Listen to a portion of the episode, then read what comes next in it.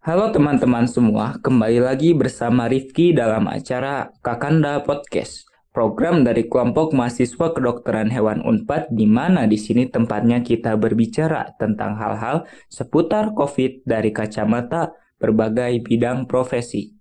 Kali ini kita akan membahas topik tips menjalankan UMKN dan menjadi dosen bersama Bapak Rama Chandra Jaya.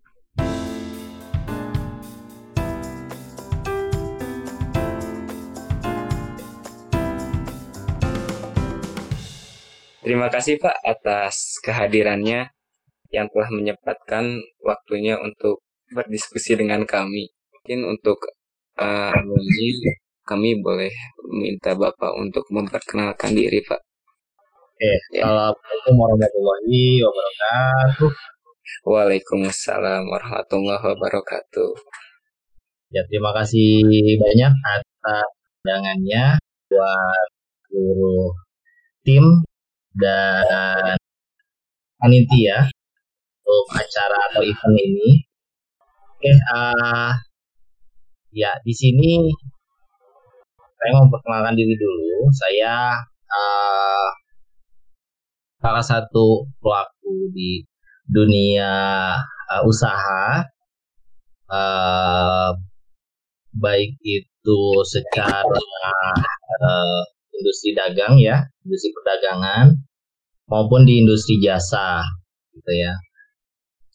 Jadi ada beberapa bidang juga di sini ya selain uh, saya ya uh, mempunyai uh, usaha UMKM ya uh, dalam uh, dunia fashion ya khususnya untuk fashion uh, wanita ya karena saya berjualan uh, fashion uh, tas tas untuk wanita. Kemudian saya juga uh, sebagai uh, apa namanya konten kreator walaupun ya belum se famous uh, Halilintar Family tapi ya so-so lah ya nggak uh, mudah-mudahan bisa apa bisa bermanfaat ya intinya dari konten itu adalah yang penting kita bisa share manfaat baik itu happiness ataupun um, uh, whatever uh, yang mempunyai benefit buat semuanya. Oke, okay, selain itu juga ya uh, saya juga seorang uh, pengajar ya di salah satu perguruan tinggi swasta di Bandung ya di STI Inaba dan beberapa kampus lainnya dan uh, memang di masa-masa saat ini kegiatan tersebut kalau dari awal tahun sebetulnya sih mulai kerasa memang dari awal tahun itu memang bisa dibilang itu 170 uh, derajat ya. Jadi nggak semuanya gitu ya, tapi memang itu sangat-sangat sangat-sangat kerasa sekali dampaknya. Oke, baik itu dalam perkembangan di uh, dunia pendidikan yang saya rasakan secara langsung maupun di dunia usaha yang saya juga uh, rasakan secara langsung itu mempunyai uh, dampak ya terutama juga bagi konsumen dan tentunya juga mahasiswa-mahasiswa pun di situ termasuk entitas yang merasakan dampak dari adanya pandemi um, COVID-19 ini. Oke, mungkin itu perkenalan dari saya. Silakan. Ya, baik. Terima kasih Bapak Rama. Mungkin awalnya bukan awalnya, maksudnya awal mulanya kami tertarik kepada Bapak yang menggeluti di bidang UMKM. Jadi mungkin pertanyaan yang pertama-tama kita akan bertanya tentang yang di UKM, UMKM ya Pak. uh, mungkin kita tahu ya Pak bahwa pandemi ini sudah berjalan cukup lama. Mungkin kalau dihitung dari bulan Februari sudah hampir 8 bulan. Nah, pertanyaan kami Pak, uh, mungkin apa perbedaannya berjualan pada masa pandemi dan masa yang tidak pandemi mungkin dari segi ketertarikan konsumen atau daya beli konsumen Bapak seperti itu. Bagaimana Pak? Oke, kalau yang saya kalau yang saya rasakan sih uh, beberapa faktor ya, beberapa faktor yang pastinya itu berpengaruh.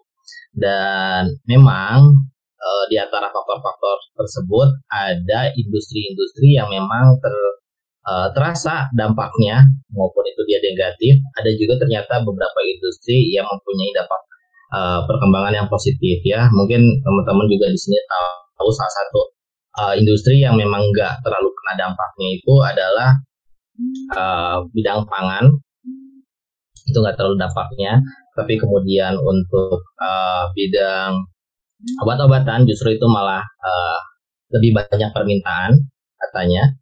Dan untuk uh, untuk industri yang saya takuni kebetulan jadi bukan industri yang bergerak di bidang primer yaitu sekunder. Jadi adalah kebutuhan yang memang hanya sifatnya itu uh, uh, sampingan. Jadi hanya hanya pelengkap saja gitu ya dari kebutuhan utama. Nah ini yang sangat sangat uh, sekali terasa. Ya yang pertama itu tentunya dari adanya daya beli. Ya daya beli di sini juga banyak banget. Ternyata faktor-faktor yang dari uh, saya sempat tanya-nanya juga ke uh, apa namanya ke konsumen dan reseller-reseller kami yang biasanya beli itu uh, ternyata semuanya itu banyak banget uh, apa namanya uh, berbagai macam uh, masalahnya. Yang pertama itu tentunya banyaknya yang dipekerjakan karena kalau misalnya kebetulan saya industri fashion uh, wanita ya. Kalau biasanya tuh wanita itu kalau mau let's say kalau misalnya mau ada event, ada acara ya, itu pasti harus ganti dress code dan ganti kostum ya. Beda kan kalau sama cowok. Kalau sama cowok itu biasanya oke okay, uh, eh, nanti hari Minggu uh, ini kita ada undangan nih. Kemudian nanti minggu depan kita ada undangan lagi. Pasti dress code-nya ya udah itu itu aja. Kalau misalnya kita nggak pakai batik gitu ya kita juga mungkin pakai uh, kemeja jas tuxedo atau misalnya nanti kita pakai kemeja paling itu itu aja. Tapi kalau misalnya cewek ya biasanya itu selain dia pasti pakai dress yang buat gaun buat apa namanya uh, acara acara tertentu dia juga pasti selalu matchingin dengan aksesoris yang dipakainya. Salah satunya itu tas nah yang pertama kalau misalnya dia memang uh, ada uang ya dia memiliki uang dia tidak begitu terpengaruh. Misalnya ada beberapa kayak misalnya reseller dan uh, uh, apa namanya konsumen saya itu dia memang berpenghasilan tetap seperti PNS gitu ya. PNS atau beberapa karyawan uh, swasta ataupun BUMN dia sebetulnya tidak terlalu berdampak.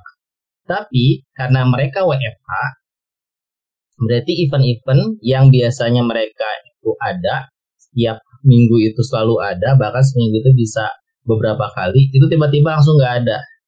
Nah ketika itu jadi nggak ada akhirnya ya mereka bilang e, aduh kang kalau misalnya aku mau beli tas ya bukannya gimana gimana sih aku minat sih sama tasnya. Cuma mau dipakainya kapan? Kan kita juga keadaannya masih kayak gini. Nah, itu yang pertama Oke, baiknya itu yang kedua. Nah, yang kedua itu ya itu tadi yang terdampak secara ekonomi. Kalau tadi terdampak hanya sebagai apa namanya event-event yang berkurang, ini terdampak ekonominya ya. Ini yang kasihan. Misalnya, aduh Kang, punten ya, soalnya aku udah nggak kerja lagi. Biasanya yang aku tawarin itu di teman-teman aku suka dibawa ke kantor. Nah, sekarang aku udah nggak kerja lagi di sana. Oh iya, nggak apa-apa. Gitu coba ditawar yang lain. Oh iya kang. Sama teman-teman juga katanya daripada beli untuk kebutuhan itu lebih baik buat beli beras satu karung katanya seperti itu. Nah itu sih contohnya ya kalau misalnya terdampaknya baik itu dari segi minat maupun dari ekonomi satu lagi ya event ya karena event-event memang uh, memang sekarang ini sangat sangat sangat terbatas masih belum normal kalau menurut saya dan itu berdampak dan berdampak lagi bukan segi konsumen tapi juga di saya juga eh, bahan bakunya jadi susah. Bahan bakunya jadi susah karena ke kemarin itu ada uh, sempat membatasi impor ya dari negara-negara tertentu yang kebetulan bahan bakunya juga kita dari sana dan akhirnya kita nggak bisa ngisi stok. Dan itu akhirnya ber, apa kendala juga di sisi produksi kita juga barang-barang jadi semakin sedikit. Itu ya kenanya juga. Oke berarti mungkin kalau bisa saya dapat tadi selain minat dan event mungkin terkendala dalam produksinya juga ya Pak. Karena bahan bakunya juga mungkin terkendala juga. Nah selanjutnya nih Pak eh, ada teman saya yang mau nanya. Nah, dipersilahkan Sultan. Oke, Assalamualaikum. Pak sebelumnya. Perkenalkan, saya rekan dari teman-teman di sini semua. Nama, saya Sultan Nopal. Nah, saya ingin bertanya nih Pak, uh, untuk menghadapi untuk menghadapi di masa pandemi seperti ini, uh, inovasi atau solusi apa sih yang sudah Bapak buat sebagai selaku pengusaha? Terima Pak. Memang untuk uh, dunia usaha ya, uh, yang pertama itu adalah eh, gimana sih caranya kita bisa mengatur baik itu mengatur eh, banyak banget ya. Yang pertama itu ada ketersediaan barang, kemudian adalah mengatur um, cara pasar pemasaran, kemudian yang ketiga itu adalah mindset kita. Nah ini yang paling susah. Nah ya ketersediaan barang tadi yang udah saya sebutkan banyak barang-barang bahan baku yang terkendala Kemudian bagaimana yang kedua itu adalah segi pemasaran, teknik pemasaran. Tentunya sekarang eh, biasanya kita eh, toko itu buka ya, buka dari pagi sampai sore. Eh, semasa pandemi ini kita udah nggak pernah lagi buka, eh, jadi nggak pembelian itu semuanya online. Nah ini yang ketiga ini adalah merubah mindset. Apa yang dirubah? Itu tadi ya, bagaimana caranya kita bisa survive menghadapi pandemi ini. Caranya dengan misalnya kita nih ya kayak saya adalah jualan misalnya fashion wanita yang kebetulan sebenarnya sekunder gitu ya. Di saat pandemi ini nggak terlalu dibutuhkan sama orang-orang. Berarti kita sebagai pengusaha, pedagang harus pinter-pinter nih membanting setir. Sebenarnya kalau banting setir aja nggak masalah. Tapi biasanya sih kalau udah ada mindset pengusaha tuh yang aduh aku nggak bisa kayak gini atau misalnya aduh uh, saya teh nggak bisa kayak gini saya teh udah 10 tahun bergelut di bidang ini. Tapi kan 10 tahun itu nggak ada masa-masa pandemi kayak gini jadi mereka itu nggak kepikiran untuk akhirnya merubah apa yang mereka jual dan mereka dagangkan. Nah ini yang paling penting dan teman-teman saya juga di paguyuban Tas Bandung juga memang itu kerasa banget mereka dan perubahan mindset itu gitu ya. Jadi perubahan mindset ini akhirnya apa? Apa yang uh, akhirnya kita itu ya udah deh kita akan berubah kita akan mencoba jualan yang lagi mohon maaf ya tanda kutip yang lagi trending misalnya. Mereka akhirnya seperti itu. Ada yang jualan masker masker kain ya. Kemudian uh, rata-rata sih kayak kebutuhan ya masker kain ya apalagi ketika masker kain itu katanya ternyata memang uh, sekarang sudah diwajibkan ketika misalnya kita keluar rumah itu mereka pada beralih ke sana gitu ya. Tapi sementara ini kalau saya sih nggak beralih yang ngebanting setir itu. Kalau mereka sih ada yang beralih ke, ke apa memproduksi seperti itu. Kalau saya lebih ke yang tadinya membenar apa membuat sebuah produk, saya akhirnya membuat uh, sebuah uh, sebuah tas. Saya membuat sebuah uh, kita katakanlah ini jadi buatnya dust bag ya. Dust bag kalau dust bag tahu dust bag tas di debu. Jadi kalau misalnya kalian beli sepatu ya beli sepatu futsal atau sepatu itu suka ada kayak atau beli helm ya beli helm itu suka ada dust bagnya nah akhirnya saya bikin kayak gitu. Banyak sih yang nggak kepikiran ngapain dagang kayak gitu? Nah ini uniknya. Akhirnya kalau saya mikirnya gini ternyata yang beli dust bag ini adalah bukan ibu-ibu uh, lagi. Bukan maksudnya bukan ibu-ibu yang mau kondangan lagi. Tapi apa? Para pelaku usahanya ternyata. Ya jadi alhamdulillahnya itu tadi ini mindset ya. Mindsetnya harus dirubah. Harus yakin aja nih. Dan banyak sih pedagang-pedagang yang nggak bisa nge direct nge redirect mindsetnya dia. Harus ganti mau dagang apa nih? Dia akhirnya bingung dan akhirnya banyak yang benar-benar ketika dia itu banting setir stop barang-barang yang lama dia numpuk sementara dia mau dagang yang baru dia nggak tahu caranya karena itu udah beda pasar nah itu yang uh, mungkin harus lebih di apa ya sosialisasikan sih sebenarnya menurut pengalaman saya pribadi. Mungkin itu buat yang Sultan. Oke baik Pak. Jadi bisa ditarik simpulannya kalau pertama tadi mindsetnya solusi lalu tadi mengikuti tren yang ada. Dan ya pemasarannya ya dan dan segi pemasaran. Terima kasih Bapak. Ya. Uh, baik, mungkin pertanyaan yang terakhir tentang UMKM ya Pak. Uh, kalau saya misalnya bisa menarik kesimpulan lagi, Bapak itu kan istilahnya seorang produsen ya Pak. Ya. Kalau seorang produsen mungkin dalam benak saya yang seorang awam adalah kalau produsen itu biasanya punya karyawan yang bekerja membantu untuk memproduksi. Yang jadi pertanyaan saya itu Pak kan kalau semasa pandemi ini tadi dibilang bahwa daya minat pembelian itu menurun. Belum menyim, uh, belum apa ya belum menyinggung tadi inovasi Bapak ya gitu sedangkan karyawan pun istilahnya Pak uh, punya ego bahwa dia juga tetap ingin kerja gitu Pak dia ingin berpenghasilan tapi sedangkan di apa ya diistilahkan bahwa pembelian dari produsen itu pembelian dari pihak-pihak lain itu menurun nah bagaimana sih Pak cara menyeimbangkan antara kesejahteraan dari karyawannya Bapak sama keadaan pandemi ini Pak pertanyaan saya Oke. Uh, kalau untuk uh, karyawan kita tentunya bakalan memberikan pola yang berbeda pada mereka.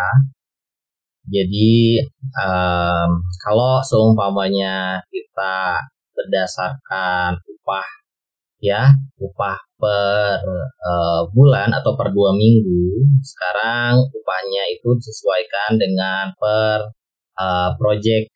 Ya, jadi kalau seumpamanya nanti saya ingin uh, memproduksi, jadi kalau waktu kemarin itu memang produksi bisa setiap hari, tapi kalau untuk saat ini, uh, ya karena pertama uh, tadi ya hal-hal yang udah saya sebutkan, ketersediaan barang, bahan baku, kemudian kita nggak bisa leluasa bertemu di tempat-tempat uh, yang banyak perkumpulan, banyak-banyak orang seperti itu.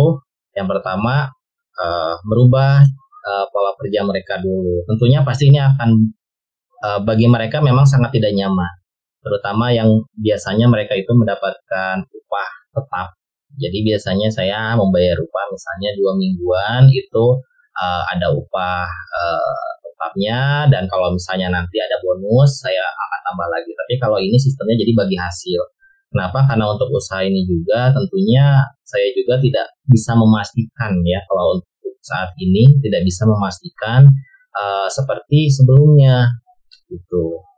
Kemudian untuk pola kerjanya juga yang biasanya itu uh, saya biasanya uh, jadi ada satu rumah gitu ya yang memang berisikan mereka-mereka uh, yang kerja. Nah pola kerjanya juga sekarang enggak barangnya diambil silahkan bawa pulang.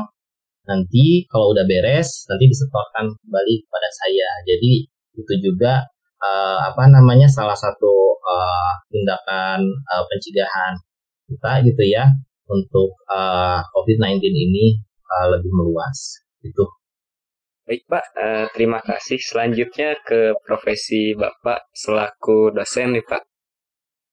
Bapak di ini ya di STI Inaba itu kalau nggak salah yang di dekat buah batu buah batu ya pak ya? Iya betul. Ya uh, nah mungkin kan kami mahasiswa terus uh, bapak selaku mungkin dari perwakilan dosen nih pak. Kami ingin tahu nih pak sebagai seorang dosen apakah kegiatan ajar mengajar di new normal ini sudah cukup efektif pak?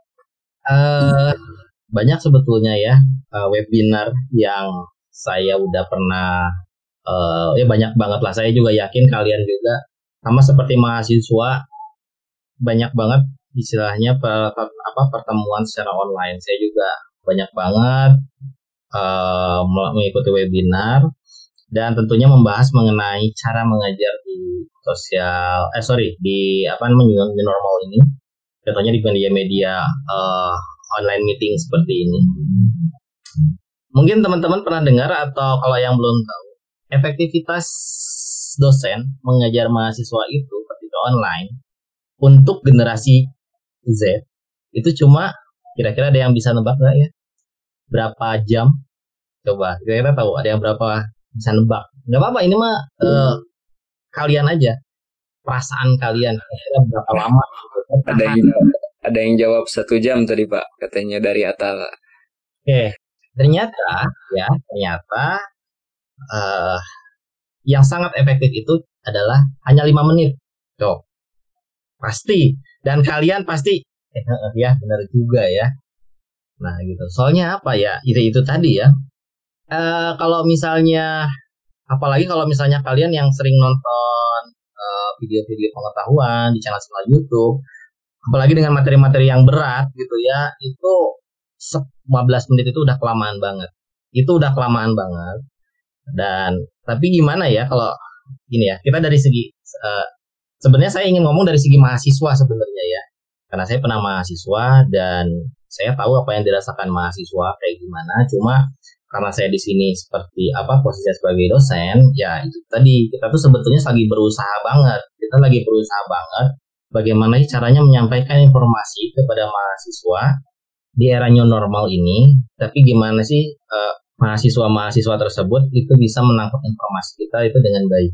Dan faktanya, gak semua mahasiswa di, di era di era new normal ini dengan dengan sistem perkuliahan seperti ini, gak semua mahasiswa. Jadi gini, persentasenya kalau ada 10 orang mahasiswa di kelas itu paling cuma dua orang, tiga orang yang benar-benar bisa nangkap dalam satu pertemuan ini. Sisanya itu dalam waktu sejam lebih itu nggak ada yang bisa nangkep.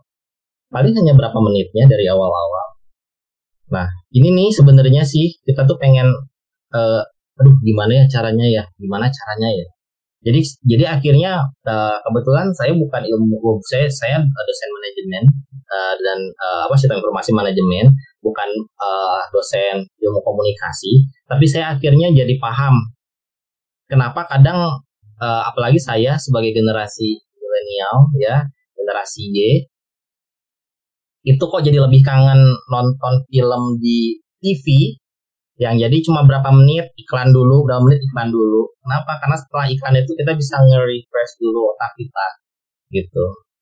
Dan kalau misalnya cara kalian nge-refresh uh, otak kalian adalah dengan cara meng unmute dan meng hidden video kalian. Dan saya paham gitu ya, uh, kalian itu pada uh, kayak gitu semua. Kenapa? karena saya juga di webinar itu memang kadang seperti itu ya kondisinya misalnya uh, di rumah kita nggak tahu kayak gimana. Tapi ya memang uh, sangat sulit sekali sangat sulit sekali. Apalagi kalau kalian ada yang 4 SKS ada 4 SKS mata kuliahnya. Hanya tiga. Kami pak paling tinggi. Ya kalau misalnya sampai 4 SKS aduh itu bisa dua jam tatap muka. Ya ibaratnya mah kalau kalian nonton apa namanya uh, Marvel itu bisa langsung ada dua part itu ya Endgame gitu ya sama Infinity War misalnya kayak gitu. Itu aja kalian bosen gitu ya. Ya jadi itu ya uh, menurut saya sih emang belum maksimal tapi kita sebagai akademisi juga lagi nyari sih gimana sih caranya berusaha untuk menjadi maksimal. Karena ingat uh, karena ini ya setiap man, uh, setiap mahasiswa apalagi kayak misalnya kalian kalian masuk Unpad kalian nggak mengharapkan kuliah online setiap hari. Kecuali kalau misalnya kalian masuk UT universitas terbuka. Ya kan? Itu dari awal kalian itu udah udah nyiapin mindset kalian oke okay, aku tuh nggak bisa berkuliah tatap muka entah aku sibuk atau aku emang introvert misalnya aku nolep misalnya aku makanya pilih ini. Tapi ketika kalian masuk Unpad dengan segudang uh, impian, wah pokoknya aku pokoknya mau aktif nanti di kegiatan mahasiswa segala macam, tiba-tiba kayak gini. Balikin lagi uh, ekspektasi kalian ke aduh gimana ya? Akhirnya online juga kayak gini ospek aja jadinya online. Aduh gimana dong? Gitu ya. Jadi ya udah sebetulnya sih uh, itu tadi ya uh, kita akan mencari cara seefektif mungkin, terutama itu tadi namanya kita manusia, kita makhluk sosial, uh, dan kita akan insya Allah akan uh, mudah-mudahan mendapatkan metode uh, terbaik bagaimana sih caranya melakukan pengajaran dan uh, ada apa pelajaran daring ini secara online mungkin ya Pak. Oke. Okay. Nah, baik Pak. Selanjutnya ada dari Sultan lagi nih. Sultan, ya mangga. Ya Pak. Izin nanya lagi nih Pak. Uh, sudah berbicara mengenai efektivitas belajar melalui daring atau online. Nah, sekarang saya mau nanya dari Bapak sebagai dosen, sudut pandang Bapak, uh, ada nggak sih kelebihan dari metode pembelajaran dalam jaringan ini atau online? Mas. Ya itu tadi ya. Semua orang punya karakteristik yang berbeda-beda. Makanya ketika ada ruang guru itu belum tentu mematikan uh, bimbel-bimbel yang offline. Kenapa? Karena mereka juga gitu ya pengen ada sesi tatap muka, pengen sih ada sesuatu yang biasa ditangkap oleh mahasiswa, misalnya, oh gitu ya cara dosen kalau bicara di depan kelas, oh begitu ya cara uh, berpakaian, cara bersikap dosen kalau misalnya di dalam uh, kelas tuh kayak gitu, oh kalau lagi bertanya di kelas tuh begini. Kayak ada mahasiswa yang senangnya seperti itu, tapi ada juga yang bisa belajar walaupun dia cuma googling doang ada yang pinter gara-gara Google. Banyak. Gitu. Nah sekarang ya itu tadi berapa persenkah misalnya di sebuah uh, kelas atau di sebuah kampus apalagi kalau kampusnya memang bukan uh, kampus yang dari awal memang online kelas itu adalah sesuatu yang ditonjolkan. Nah, kalau misalnya adalah kampusnya kampus yang benar beraktif, kemahasiswaannya juga aktif, tiba-tiba harus seperti kayak gini, saya yakin itu pasti uh, ada ada dampaknya, ada dampaknya bagi uh, mahasiswa dan itu apa namanya efektivitas dari online kelas ini. Ya tadi saya bilang dari 10 orang ya memang ini yang survei ini adalah uh, salah satu kampus negeri ya yang ada di Indonesia dan memang dia bukan online kelas itu bukan salah satu yang ditonjolkan tapi ketika ada online kelas itu makanya uh, di profesornya itu bilang eh, jadi asik aja gitu. Ya kalau akhirnya penelitian saya bilang katanya kata profesornya itu ini cuma lima menit loh efektifnya. Kalau kita ngajar di kelas ya kita pada kaget. Ya asalnya kan kita ngerasa oh pang, paling menarik gitu ya. Kita materi kita bagus kita kayaknya bahasanya juga kayaknya mudah dimengerti sama mahasiswa. Kan itu kata dosen. Belum tentu kata mahasiswa jadi kalau mereka itu lima menit loh Pak, kata profesor itu. Dan efektivitasnya berapa? Ya dari 10 orang sekitar paling dua, tiga yang bisa nangkep apa yang kita omongin. Nah, ya tadi baik lagi gitu ya. Dan ini adalah based on uh, survei di salah satu kampus uh, negeri yang ada di Indonesia yang memang dia base-nya bukan online kelas sebelumnya gitu. Efektivitasnya belum nyampe 50% loh ya. Belum nyampe 50%. Oke, oke saya gitu ya. Nah mungkin ini dari saya sih pak. Nah kan eh, mau nggak mau kita pada saat masa pandemi itu harus mementingkan kesehatan. Tapi bukan berarti sektor lain seperti ekonomi, pendidikan itu tidak penting. Jadi kita harus hidup eh, berjalan gitu pak ya, beriringan. Nah yang ingin saya tanyakan nih pak, apakah perlu diadakan kuliah offline atau kuliah secara tatap muka langsung di masa pandemi ini Pak. Terima kasih Pak. Oke. Yang sekarang sangat membuat pusing nggak cuma di dosen tapi juga ya uh, menteri Kementerian Pendidikan ya itu juga pusing terutama adalah untuk eh, jurusan-jurusan uh, vokasi ya jadi yang membutuhkan praktek langsung pusing itu. Gimana sih kalian yang biasa apalagi kalian ini dari FK biasanya kalian itu uh, seminggu itu praktek ke lab berapa kali. Sekarang kalian cuma ngelihat di layar laptop dijelasin gitu aja. Itu ya itu yang paling sulit. Karena medianya kita itu adalah uh, vokasi ya khususnya buat kependidikan vokasi ini adalah yaitu praktek jadi kalau misalnya uh, jurusan industri ketika dia uh, belum langsung gitu ya langsung langsung praktek uh, itu ibaratnya hanya teori saja. Walaupun ya misalnya kayak kalian misalnya kalian melihat oh ya ini begini loh ya. Kalian ada lihat mungkin video atau misalnya dosen kalian uh, apa namanya uh, melakukan praktek misalnya secara daring bagaimana caranya kan uh, mungkin ke depannya ya kita juga lagi berusaha mungkin nanti uh, misalnya untuk uh, mata kuliah misalnya mungkin dari Fakultas Kedokteran Hewan nanti akan coba nanti uh, membedah kodok tapi secara online. Jadi nanti semua kameranya itu tertuju pada kodoknya gitu ya yang sedang kalian bedah. Mungkin nanti ke depannya akan seperti itu. Tapi tentunya kan nggak semua daerah yang ada di kita itu mempunyai kualitas bandwidth yang bagus juga. Hardware-nya juga harus ada standarnya. Kalau misalnya mau ikut apa ingin ingin ada uh, menampilkan uh, gambar yang bagus tentunya kamera yang ada di laptop kayaknya nggak memenuhi standar gitu ya. Jadi kalau misalnya nanti dosen kalian juga ingin melakukan evaluasi apakah yang kalian lakukan bagus atau tidak, itu susah. Berarti harus ada standarisasi dari hardware-nya juga. Nah, standar-standar itu yang memang kita mungkin ke depannya bisa kita apa ya, bisa kita uh, kembangkan lagi. Walaupun ya itu tadi beberapa uh, beberapa uh, beberapa fakultas ya termasuk ya ini tadi ya kedokteran ya ketika oke okay lah kalau misalnya sekarang ada halodoc ya ketika ketika pasien itu bisa uh, berchatting dengan dokter menanyakan apa yang harus saya lakukan ya dengan sakit saya ini bagaimana dengan kedokteran hewan? Apakah kucing kita akan diajarkan main WhatsApp pada dokternya? Kan nggak mungkin juga. Nah itu yang akhirnya jadi PR nih. Ini gimana ya caranya ya? Ini gimana ya? Dan itu bisa kita kembangin lagi dan kemarin sih ya itu tadi ya vokasi itu yang paling susah. Paling susah dan setidaknya kalaupun ada pertemuan punya ada beberapa uh, syarat yang harus dilakukan. Itu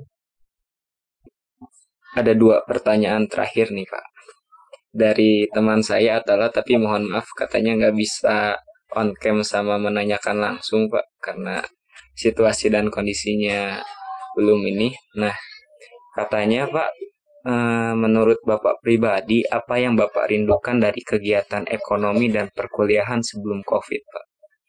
Oke, kalau saya pribadi, tentunya adalah interaksi saya dengan konsumen untuk sebagai seorang pedagang ya. Uh, saya pribadi sebetulnya senang ketika ada pelanggan yang tertarik dan kemudian menawar sebuah produk gitu ya yang awal awalnya sebenarnya itu adalah sesuatu yang nyebelin gitu ya. Tapi ketika itu semuanya online dan misalnya kita memanfaatkan marketplace ya marketplace itu kita udah nggak bisa nawar ya. Walaupun ada platform beberapa marketplace yang nego gitu ya tapi tetap aja kita ya udah uh, kita cuma bisa check out udah kayak gitu. Dan interaksi dengan konsumen karena nggak cuma interaksi dengan konsumen itu kita akan uh, punya relasi juga. Banyak banget yang akhirnya kita ketemu langsung ngobrol-ngobrol akhirnya ada kontinuitas uh, di luar dari online tersebut ya. Baik nanti apa namanya dari segi community ya. Banyak banget event-event yang nanti kita bisa ikutin kayak bazar-bazar yang dilakukan sama pemerintah yang biasanya suka ada sekarang jadi nggak ada. Nah itu sih yang dikangenin kalau untuk sektor-sektor usaha dan UMKM dan kalau untuk uh, kalau untuk di kelas perkuliahan saya tuh paling kangen dan sebenarnya saya paling suka gitu paling suka ya saya paling paling uh, seneng kalau di kelas itu selalu ada mahasiswa apa ya sebetulnya bukan toxic sih tapi kayak mahasiswa yang kalau tiba-tiba tuh di perkuliahan itu suka ada yang nyeletuk ya. Ya walaupun saya lagi nyerangin sebenarnya kalau banyak dosen yang sebenarnya itu nggak suka gitu tapi kalau saya suka aja. Berarti kalau dia kayak gitu berarti dia ngelihat kita perhatian ke, ke saya gitu. Misalnya ada yang oh pak dikirain kayak gini ya pak. Ah sekelas. Oh saya sih seneng kayak gitu. Ber berarti kenapa? Berarti apa ya? Berarti dengan dia kayak gitu itulah cara mereka mahasiswa itu melatih kita dan yang paling gak senang saya itu ya mahasiswa kalau misalnya tetap muka nggak ada yang nanya. Terus tiba-tiba kayak yang tatapannya itu kosong mereka itu. Nah itu mah sama aja kayak eh, saya melakukan perkuliahan secara online dan semuanya pada di unmute dan di uh, unhide semua di hide semua. Sama aja kayak gitu. Ya itu ya tadi ya suasana suasananya ya, Pak berarti mungkin kalau istilahnya berdagang itu selain nambah ya selain mencari rezeki juga bisa menjalin silaturahmi apa ya kalau secara langsung itu ya Pak ya. Iya. Nah, eh, nih ini yang terakhir Pak dari Atala juga.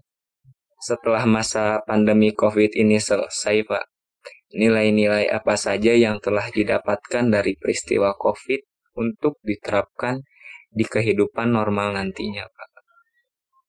Oke, mudah-mudahan ya, mudah-mudahan, mudah-mudahan dengan adanya COVID ini, mudah-mudahan bisa ya, mudah-mudahan bisa di di Indonesia ya. Terutama saya ya tinggal di daerah eh, kabupaten ya kabupaten Bandung gitu ya. Emang sih agak sedih juga gitu ya melihat masyarakat yang dalam ya kita, kita juga gemes gitu ya kayak ya itu tadi ya. Pertama pola hidup baik itu harus sehat maupun bersih ya menjaga pola hidupnya. Makan makanan yang bagus yang teratur. Kemudian ya itu tadi uh, COVID ini mengajarkan ada ada ada hal yang paling penting ya saya belum uh, saya belum share ke siapa-siapa. Nah, tapi kalau untuk di apa anggota keluarga saya yang di sini sih uh, lo udah saya share. Tapi kalau yang di luar itu belum saya share. Saya kalau misalnya lagi era sebelum COVID ini, saya perasaan banyak saya banyak event dan perasaan makanan saya itu kayaknya ya menurut saya asa udah bener gitu ya tapi kenapa saya sering banget sakit nah kenapa paling kenapa sering banget sakit minimal itu kayak apa ya kalau kata kita mah kayak masuk angin lah akhirnya pas covid ini saya tahu ternyata ada satu hal ternyata ya ada satu hal yang ternyata kok itu efeknya gede banget yaitu apa saya orang yang uh, gampang keringetan, gampang keringetan. Kadang saya lupa membawa sarung apa satu tangan. Kadang saya kalau ngelap kening gitu ya atau begini gitu, lapak tangan. Kita nggak pernah tahu bahwa tangan kita itu bersih. Kita nggak pernah tahu apalagi kayak gitu dan kemungkinan untuk keringat saya netes dan sampai ke misalnya kayak hidung ke mulut itu kan besar banget. Nah, ketika saya ada COVID ini saya ya tahu dari teman-teman dari dokteran juga, akhirnya di webinar juga dikasih oh ternyata cuci tangan itu bukan karena oh kalau sebelum makan harus cuci tangan. Kan dia mindsetnya dulu ternyata enggak. Dan itu ternyata alhamdulillah itu jadi kebiasaan. Jadi cuci tangan ya cuci tangan itu harus kapan pun di mana pun ya terutama kalau untuk saya yang sering keringetan jangan sampai ini kita megang muka. Apalagi kita lagi nggak tahu lagi ada di mana megang megang wajah kita itu secara tangan kosong kayak gini apalagi kalau belum pakai sanitizer atau misalnya cuci tangan. Dan itu rasa jadi akhirnya banyak apa ya ya kayak flu itu gampang banget gampang banget. Tapi pas sekarang itu kayak yang eh iya ya ya minimal bawa sapu tangan atau sebelum aduh misalnya eh, gerah gerah gerah banget gitu ya redang misalnya tuh langsung pakai hand sanitizer baru pakai sapu tangan. Gitu ngerasa oh iya ya kayaknya kemarin itu yang salah. Yang biasanya satu semester itu ya dua, dua, dua, dua kali lah ya. Satu semester itu dua kali lah ke dokter lah ya. Sekarang ya alhamdulillah gitu ya. Nggak pernah ke dokter lagi. Alhamdulillah. Ya itu ya. Ngajarin ya covid itu benar-benar ngajarin banget kebersihan dan higienitas itu yang utama. Baik pak. Nih terima kasih banyak atas waktunya. Mungkin maaf nih terakhir nih pak. Eh, saya boleh minta apa ya pesan pesan mungkin untuk orang-orang yang sedang berusaha melawan covid maksudnya dari segi ekonomi yang berjuang berjuang untuk tetap menghidupi mungkin keluarganya dari Bapak. Enggak, Pak? Oke, saya di sini berbicara sebagai pelaku usaha. Uh, jadi saya merasakan pelaku usaha kecil tentunya ya. Uh, saya sangat merasakan dampaknya penurunan omset itu yang benar-benar sangat sangat signifikan. Itu penurunan omset itu bisa 600 persen. Dropnya itu jadi enam kali lipat. Ibaratnya kalau misalnya misalnya gitu ya kuntilan misalnya bisa 6 juta ini sejuta juga udah ingat yang pertama itu tadi ya. Yang pertama itu adalah uh, kita yang pertama uh, harus merubah apa namanya yang pertama optimis dulu bahwa semua ini insya Allah akan berakhir ya. Pertama harus optimis dulu walaupun misalnya uh, apa namanya kita harus taat ya terhadap himbauan himbauan-himbauan yang pemerintah dan tentunya dari dokter-dokter ya dari dokter-dokter tenaga medis kita harus ikutin apa kata mereka kemudian yang kedua itu kita harus mempunyai cara bagaimana sih uh, bagaimana cara cara kita bisa survive. Bagaimana cara kita bisa menghasilkan uang ya tapi dengan barang yang udah ada atau yang apa yang kita bisa. Misalnya kalau misalnya uh, oke okay, saya sebelumnya yang saya contohkan saya tadinya misalnya usaha fashion wanita tapi karena di pandemi ini permintaan barang-barang sekunder itu nggak bisa akhirnya saya menjadi penyedia atau pen, uh, penyuplai uh, kebutuhan-kebutuhan para produsen fashion malah gitu. Jadi akhirnya itu tadi ya merubah mindset kita bahwa namanya pelaku usaha itu adalah harus fleksibel ya. Pelaku usaha itu fleksibel. Dan buat nanti mungkin teman-teman pelaku usaha yang lain uh, banyak banget nggak sedikit yang gulung tikar ya dan bingung mau seperti apa. Kita sama-sama nanti kita uh, bisa berdoa dan mungkin ya uh, saran saya juga buat uh, ke depannya buat uh, mungkin nanti kalau misalnya diupload baik uh, mungkin ke pemerintah ya baik itu pusat maupun daerah mungkin nanti ada webinar. Biasanya kita webinar itu tuh pada mahasiswa pada dosen ya yang udah pada pintar-pintar di webinarin gitu ya sementara itu tuh yang lagi pada galau ya pada galau itu pelaku-pelaku UKM yang biasanya kita tuh dosen-dosen atau kalian KKN ya KKN itu kan langsung kan ya subjeknya itu biasanya yang benar-benar ngebut Nah, kalau misalnya sekarang, aduh, KKN online, bagaimana masih mereka yang misalnya di daerah Ciwidey, Pangalengan, yang susah online-nya, tapi mereka tuh benar-benar, aduh, gimana ya? Padahal kalau misalnya uh, ada fasilitas dan medianya, kita bisa memberikan motivasi, bisa ngasih spirit buat mereka supaya mereka juga bisa uh, apa namanya, bisa mempunyai motivasi spirit uh, spirit lebih di tengah pandemi ini. Oke, mungkin saran saya itu ya. Nah, baik Pak. Terima kasih banyak nih atas waktunya. Maaf udah ngeganggu waktunya. Enggak, ya, kami uh, sangat berterima kasih banyak telah membantu kami dalam apa menjalankan KKNT kami ya Pak. Ya, nggak banyak yang bisa kami berikan, tapi kami hanya bisa memberikan doa Pak. Semoga usahanya tetap maju dan selalu diberi kesehatan ya Pak. Terima kasih banyak Pak. Ya, makasih banyak ya. Ya, ya. Assalamualaikum wabarakatuh. Waalaikumsalam. Semua dan mudah-mudahan jadi mahasiswa bermanfaat dan selalu ya. banyak uh, ya. ya.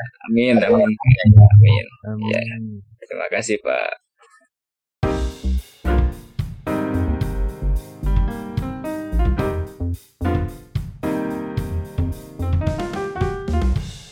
Baik nih, kita sudah sampai penghujung acara teman-teman.